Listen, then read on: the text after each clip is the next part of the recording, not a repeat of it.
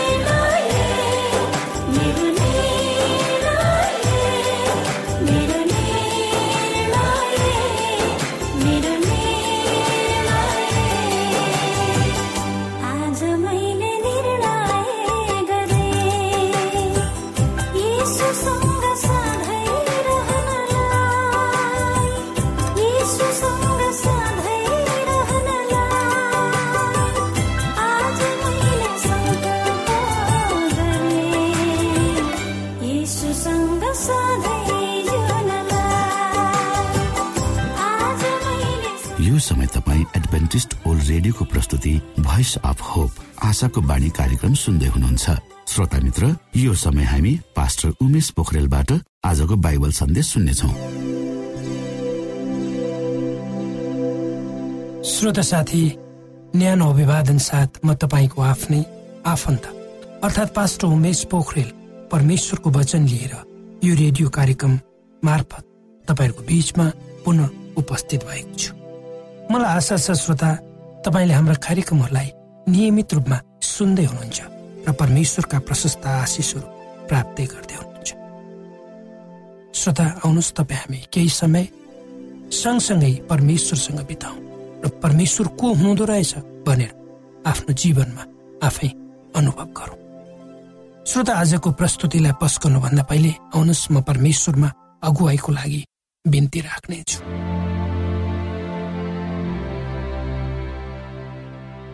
जीवित जिउँदो महान दयालु परमेश्वर। प्रभु हामी धन्यवादी छौँ।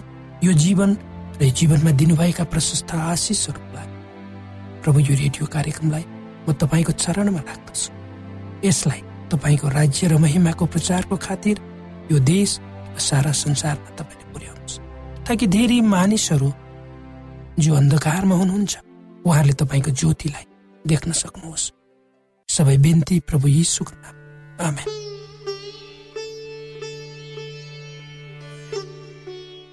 श्रोत साथी मानिस सामाजिक प्राणी हो।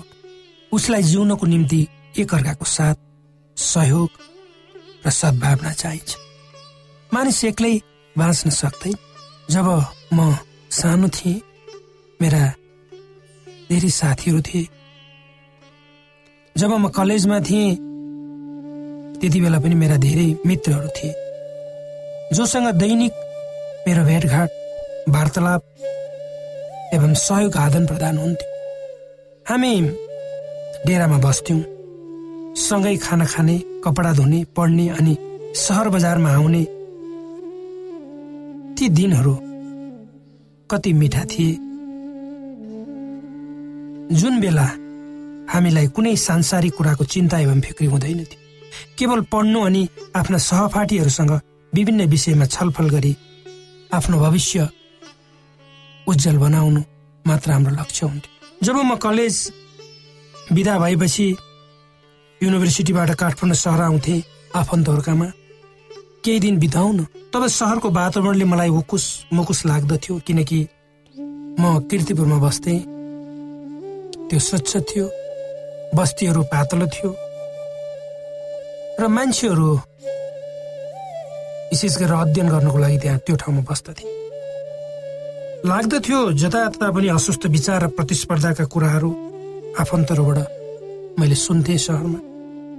फलानाले यति कमाएछ फलानाले घर बनाउँदैछ अनि फलानाको माल आउने कमाउने ठाउँमा सर्व भएछ अनि तास मोज मजा खानपिन आदि देख्दा मलाई दिक्क लाग्दथ्यो। काठमाडौँ सहर केही दिन बिताउन मलाई मुस्किल। अनि त म छिट्टै किर्तिपुरमा आफ्नो सानो एउटा खाट नहटाउने कोठामा जान हतारिन्थे।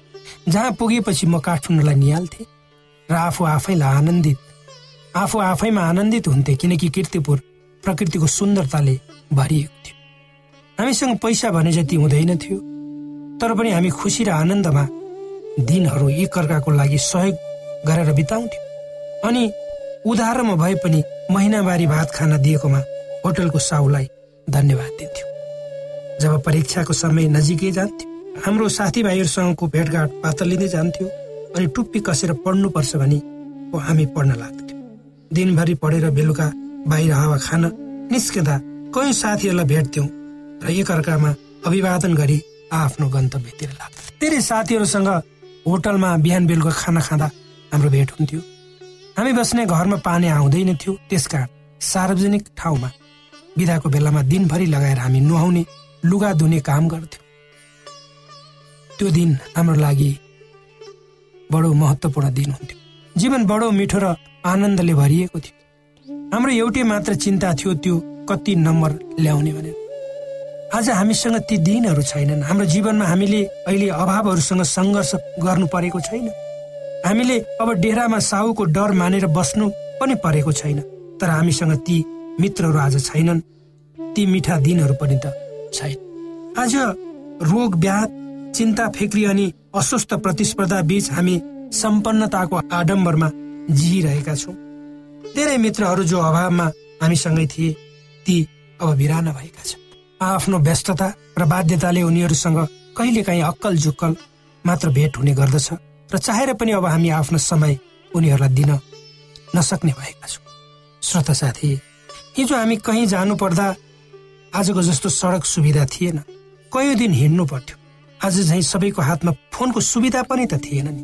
अनि चिठी पत्र एक ठाउँबाट अर्को ठाउँमा पुग्न महिनौ र वर्षौँ दिन लाग्थ्यो। तर पनि ती असुविधा असहजताका दिनहरू जो हामीले बितायौँ हाम्रा मानसपटलबाट कहिले पनि नबिर्सिने गरी रहेका छन्। हिजो हाम्रो समाज र घर परिवार बडो डह्रो बन्धनले बाँधिएको थियो। गाउँघरमा सबैले सबैलाई चिन्दथे। एक अर्काको ख्याल गरिन्थ्यो। पैँचो ऐँचो पनि त चल्दथ्यो वर्ष दिनभरि पुग्ने नुन तेल चिनी मसला तराईबाट बोकाएर लगिन्थ्यो अनि गाउँघर आफूमा आफै आत्मनिर्भर थियो। अर्थात् कयौँ दिन बन्द भए पनि अर्को देशबाट सामान नआए पनि हामी आत्मनिर्भरताका साथ शिर शिर ठाडो पाएर जिउँथ्यौँ। स्वाभिमान भएर उज्जवल भविष्यको कल्पना साथ जिउँथ्यौँ। हामी हाम्रा पाखुरा खियाएर आफूलाई चाहिने खानेकुरा आफै उत्पादन गर्दथ्यौँ अनि त हाम्रो घर परिवार समाज एक आपसमा बाँधिएको थियो। सहयोग प्रेम र सद्भावनाले कसैलाई केही सङ्कट पर्यो कोही बिरामी भयो वा मरो पर्यो भने तुरन्तै सबै गाउँलेहरू आफूले खाँदा खाँदै गरेको भात छोडेर एक ठाउँमा भेला हुन्थे अनि आपद विपदमा परेकालाई सहयोग गरिन्थ्यो। तर आजको युग अर्कै भइसकेको छ। सायद मेरो सानो छोरालाई मैले ती पुराना दिनहरूका कुरा भने भने उसले मलाई गिल्ला गर्ला। वा मैले भनेका कुरा नपत्याउला किनकि ऊ त अर्कै युगमा जन्मेको श्रोता साथी आजको सामाजिक धरातल एकदम कमजोर जगमा उभिएको छ। यो कुनै बेला भत्कन सक्छ। आज तपाईँ र मलाई कुनै कुराको खाँचो पर्यो भने। पसलमा गएर किन्दा भइहाल्छ। कसैसँग पैँचो माग्नु पर्दैन। कसैसँग हामी भर पर्नु पर्दैन। समय बिताउने साथीभाइहरूको उपस्थितिको आवश्यकता आज नहुन सक्छ। किनकि आज त तपाईँ हाम्रो मानवीय सम्बन्धलाई फेसबुक इमेल जस्ता सामाजिक सञ्जालहरूले मारिसकेका छन्। भन्दा अर्को अर्थ अब त कम्प्युटर वा मोबाइलमा मात्रै मानिसले संसार पाउन थालेको छ। यसको राम्रो पक्ष हुँदाहुँदै नराम्रो पक्षमा हामी धेरै अगाडि बढेको जस्तो देखिन्छ। त्यसैले त अब हामी आफ्नो परिवारसँग समय बिताउनु भन्दा बेसी कम्प्युटरमा वा मोबाइलमा समय बिताउँछौँ। फेसबुक ट्विटर इमेल र अरू सामाजिक सञ्जालमा आफूलाई लिप्त पार्दछु। हामी आफ्नै घरमा आफ्नै छोराछोरी र श्रीमान श्रीमतीसँग प्रत्यक्ष कुराकानी गर्नुभन्दा कम्प्युटरमा च्याट गर्न रुचाउँछु। यसले हाम्रो मानवीय वा भावनात्मक एकतामा दरार ल्याएको पाइन्छ। हामी एउटै घरमा बस्छौँ तर पनि हामीसँग त्यो सम्बन्ध हुँदैन। मानिसलाई मानिसको साथ चाहिन्छ। उसलाई मानिसको स्पर्श चाहिन्छ। अनि मानिसले मानिससँग समय बिताउनु पर्छ त्यो प्राकृतिक नियम र स्वभाव पनि त हो। तर यो यो भयो भने त्यो सन्तुलित हुन्छ। तर मानिससँग आज सबै कुरा छ। भौतिक रूपमा तर मानवीय सम्बन्ध वा निकटता भने हिजोको तुलनामा आज खस्कँदै गएको छ वा कम हुँदै त्यसैले त आजको समाजमा हामी धेरै विकृतिहरू विसङ्गतिहरू दिनादिन बढ्दै गएको देखिरहेका छौँ। र अनुभव पनि गरिरहेका छौँ। श्रोता साथी विशेष गरी जो सहर बजारमा व्यस्त जीवन जिउँछौ बाँच्नको लागि। जीवन प्रतिस्पर्धात्मक छ समय छैन अनि आवश्यकताहरू दिनानुदिन थपिँदैछ। तर त्यसको तुलनामा हाम्रो आमदानी बढेको पाइन्। त्यसकारण हाम्रो जीवन असन्तुलित रूपमा जसो तसो असन्तोष चिन्ता र फिक्रीका साथ अगाडि बढिरहेको छ। यसले एक दिन यसले हामीलाई एउटा खाडलमा पुर्याउँछ। भनेर नभन्न सकिन्छ जीवन सन्तुलित रूपमा उद्देश्यमूलक ढङ्गले बढ्नुपर्छ। यदि त्यसो भएन भने यस ल्याउने नकारात्मक प्रभावले हामीलाई ठुलो हानि वा क्षति पुर्याउन सक्छ।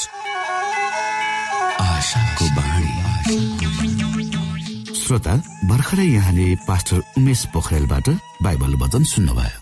यो समय तपाईँ एडभेन्टिस्ट ओल्ड रेडियोको प्रस्तुति भोइस अफ होप आशाको बाणी कार्यक्रम सुन्दै हुनुहुन्छ। कार्यक्रम सुनेर बस्नुहुने सबै श्रोतालाई हामी हाम्रो कार्यक्रममा स्वागत गर्न चाहन्छौ। श्रोता मित्र यदि तपाईँ जीवनदेखि हरेस खानु भएको छ तपाईँका जीवनमा धेरै अनुत्तरित प्रश्नहरू छन् भने आउनुहोस् हामी तपाईँलाई परमेश्वरको ज्योतिमा डोहोऱ्याउन चाहन्छौँ। तपाईँ आफ्नो जीवनका चिन्ता फिक्रीबाट निश्चिन्त हुनुहोस् र बाँच्नुको आनन्द परमेश्वरको सामिप्यमा कति मिठो हुन्छ त्यो चाख्नुहोस् भनी हामी चाहन्छौँ। श्रोता यदि तपाईँ आशाको बाणी कार्यक्रमलाई अनलाइन सुन्न चाहनुहुन्छ वा डाउनलोड गर्न चाहनुहुन्छ भने डट ओआरजीमा जानुहोस्। त्यहाँ तपाईँले प्रत्येक दिनको कार्यक्रम सुन्न र डाउनलोड गर्न सक्नुहुनेछ। हाम्रो वेब पेज यस प्रकार छ W dot A W R dot O R G श्रोता यदि तपाईँ हामीसित सिधै फोनमा सम्पर्क गर्न चाहनुहुन्छ भने हाम्रा नम्बरहरू यस प्रकार छन्। अन्ठानब्बे एकसाठी पचपन्न शून्य एक सय बिस अन्ठानब्बे एकसाठी पचपन्न शून्य एक सय बिस र अर्को अन्ठानब्बे अठार त्रिपन्न पन्चानब्बे पचपन्न. अन्ठानब्बे अठार त्रिपन्न पन्चानब्बे पचपन्न. श्रोता मित्रहरू ख्रिस्ट येशुको नाउँमा न्यानो अभिवादन जय मसिंह। म तपाईँहरूको साथी उमेश यमन थापा सदा झै। आज पनि तपाईँहरूको रेडियो सेट सामु उपस्थित भइसकेको छु। श्रोता मित्रहरू आज हामी विद्रोह र मुक्तिको विषयमा केही कुरा जानकारी हासिल गर्नेछौ।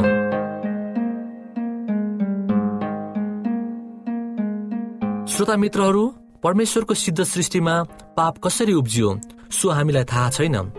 तर पाप नै ख्रिस्ट र शैतानको बीचमा भएको महान युद्ध अर्थात् अन्तर्द्वन्द विवादको सुरुवात हो भनी हामीलाई ज्ञान छ। ख्रिस्ट यसु र शैतानको बीचमा भइरहेको महान महासंग्रामको बीचमा हामी मानव जाति होमिएका छौँ भनेर पनि हामी सबैलाई थाहा छ। त्यस युद्धमा हामी कोही मानिस पनि उम्कन सक्दैनौँ।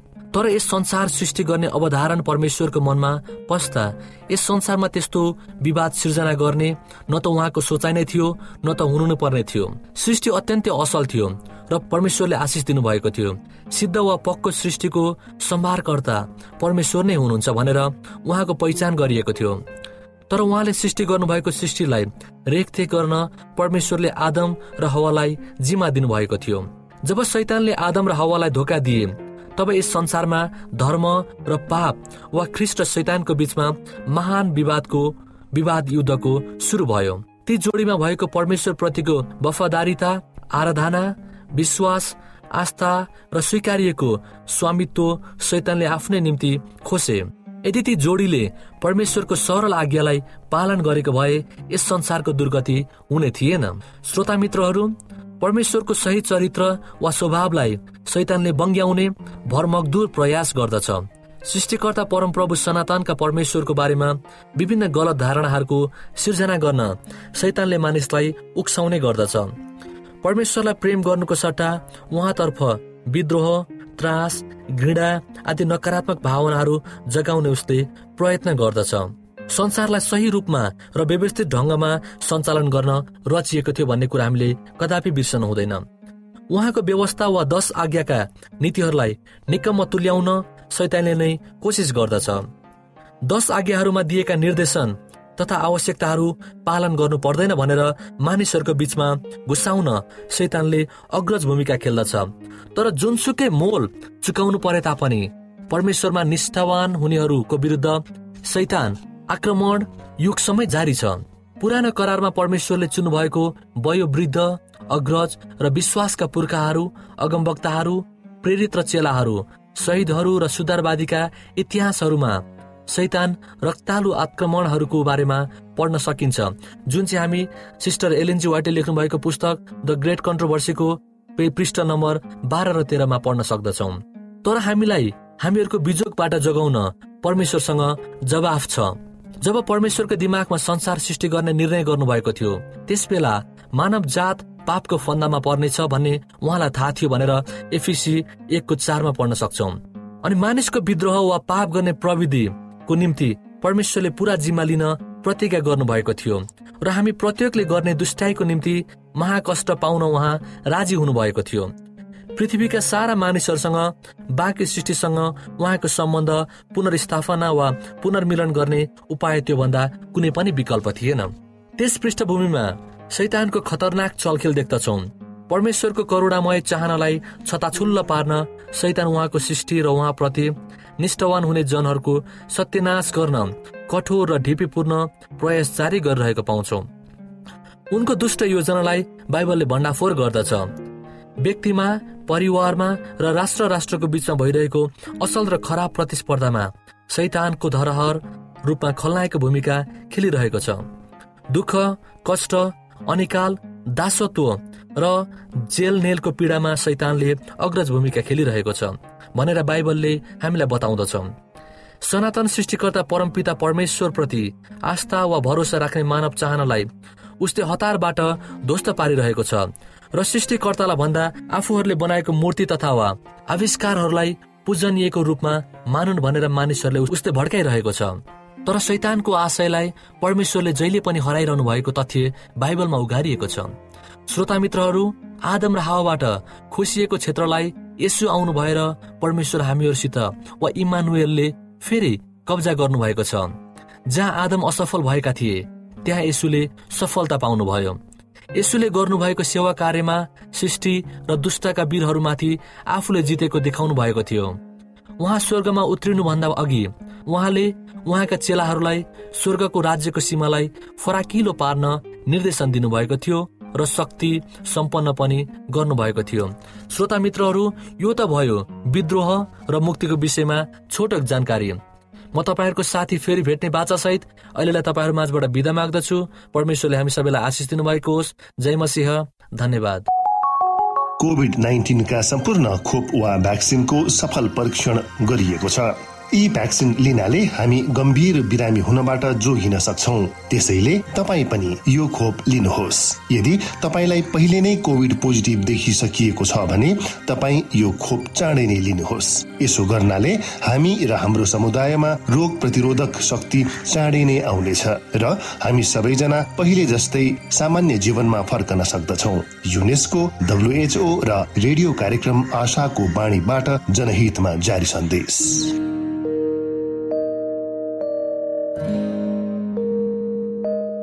मित्र बाइबलले बताएको छ परमेश्वरले तिर्खाकाहरूलाई तृप्त पार्नुहुन्छ र भोकालाई उत्तम पदार्थले सन्तुष्ट पार्नुहुन्छ।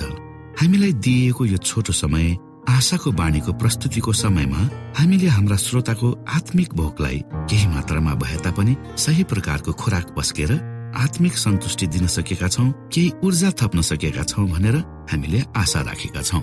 आफ्ना मनमा भएका केही दुविधा र शङ्काहरू छन् भने अवश्य हामीसँग बाँडेर शङ्काको निवारण गर्नुहुनेछ र सही प्रकारको बाटो पहिल्याउन सक्नुहुनेछ परमेश्वरको सच्चाइले अझ राम्रो बुझ्न सक्नुहुनेछ र आफ्नो जीवनलाई परमेश्वरमा पूर्ण समर्पित भएर समर्पण सहितको जीवन बिताउन सक्नुहुनेछ भनेर आशा राख्दै अब हामी हाम्रो कार्यक्रम सकिएको जानकारी यहाँलाई गराउन चाहन्छौ। जानुभन्दा अगाडि श्रोता हामी यहाँलाई हाम्रो ठेगानाको विषयमा जानकारी गरौं। हामीसँग पत्राचार गर्ने हाम्रो ठेगाना यस प्रकार छ। आशाको बाणी पोस्ट बक्स नम्बर दुई शून्य शून्य शून्य दुई काठमाडौँ नेपाल। आशाको बाणी पोस्ट बक्स नम्बर दुई शून्य शून्य शून्य दुई काठमाडौँ नेपाल।